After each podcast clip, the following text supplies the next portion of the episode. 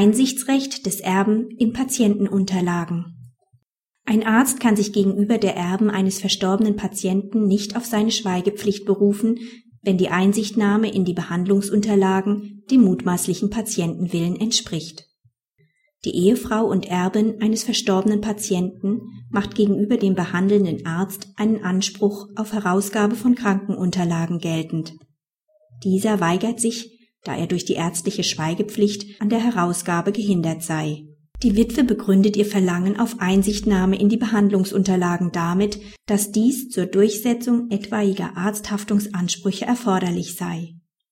Das Oberlandesgericht München gab der Herausgabeklage statt.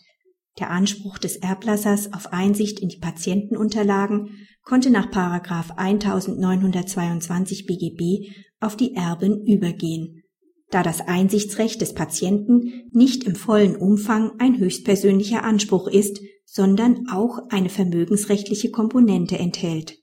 Der vermögensrechtliche Einschlag ergibt sich daraus, dass die Kenntnis der Krankenunterlagen der Klärung von vermögensrechtlichen Ansprüchen dienstbar gemacht werden kann. Daraus folgt, dass die Erben im Gegensatz zum Erblasser gegenüber dem Arzt den Anspruch auf Einsicht in die Krankenunterlagen nur zur Klärung von möglichen vermögensrechtlichen Ansprüchen geltend machen können.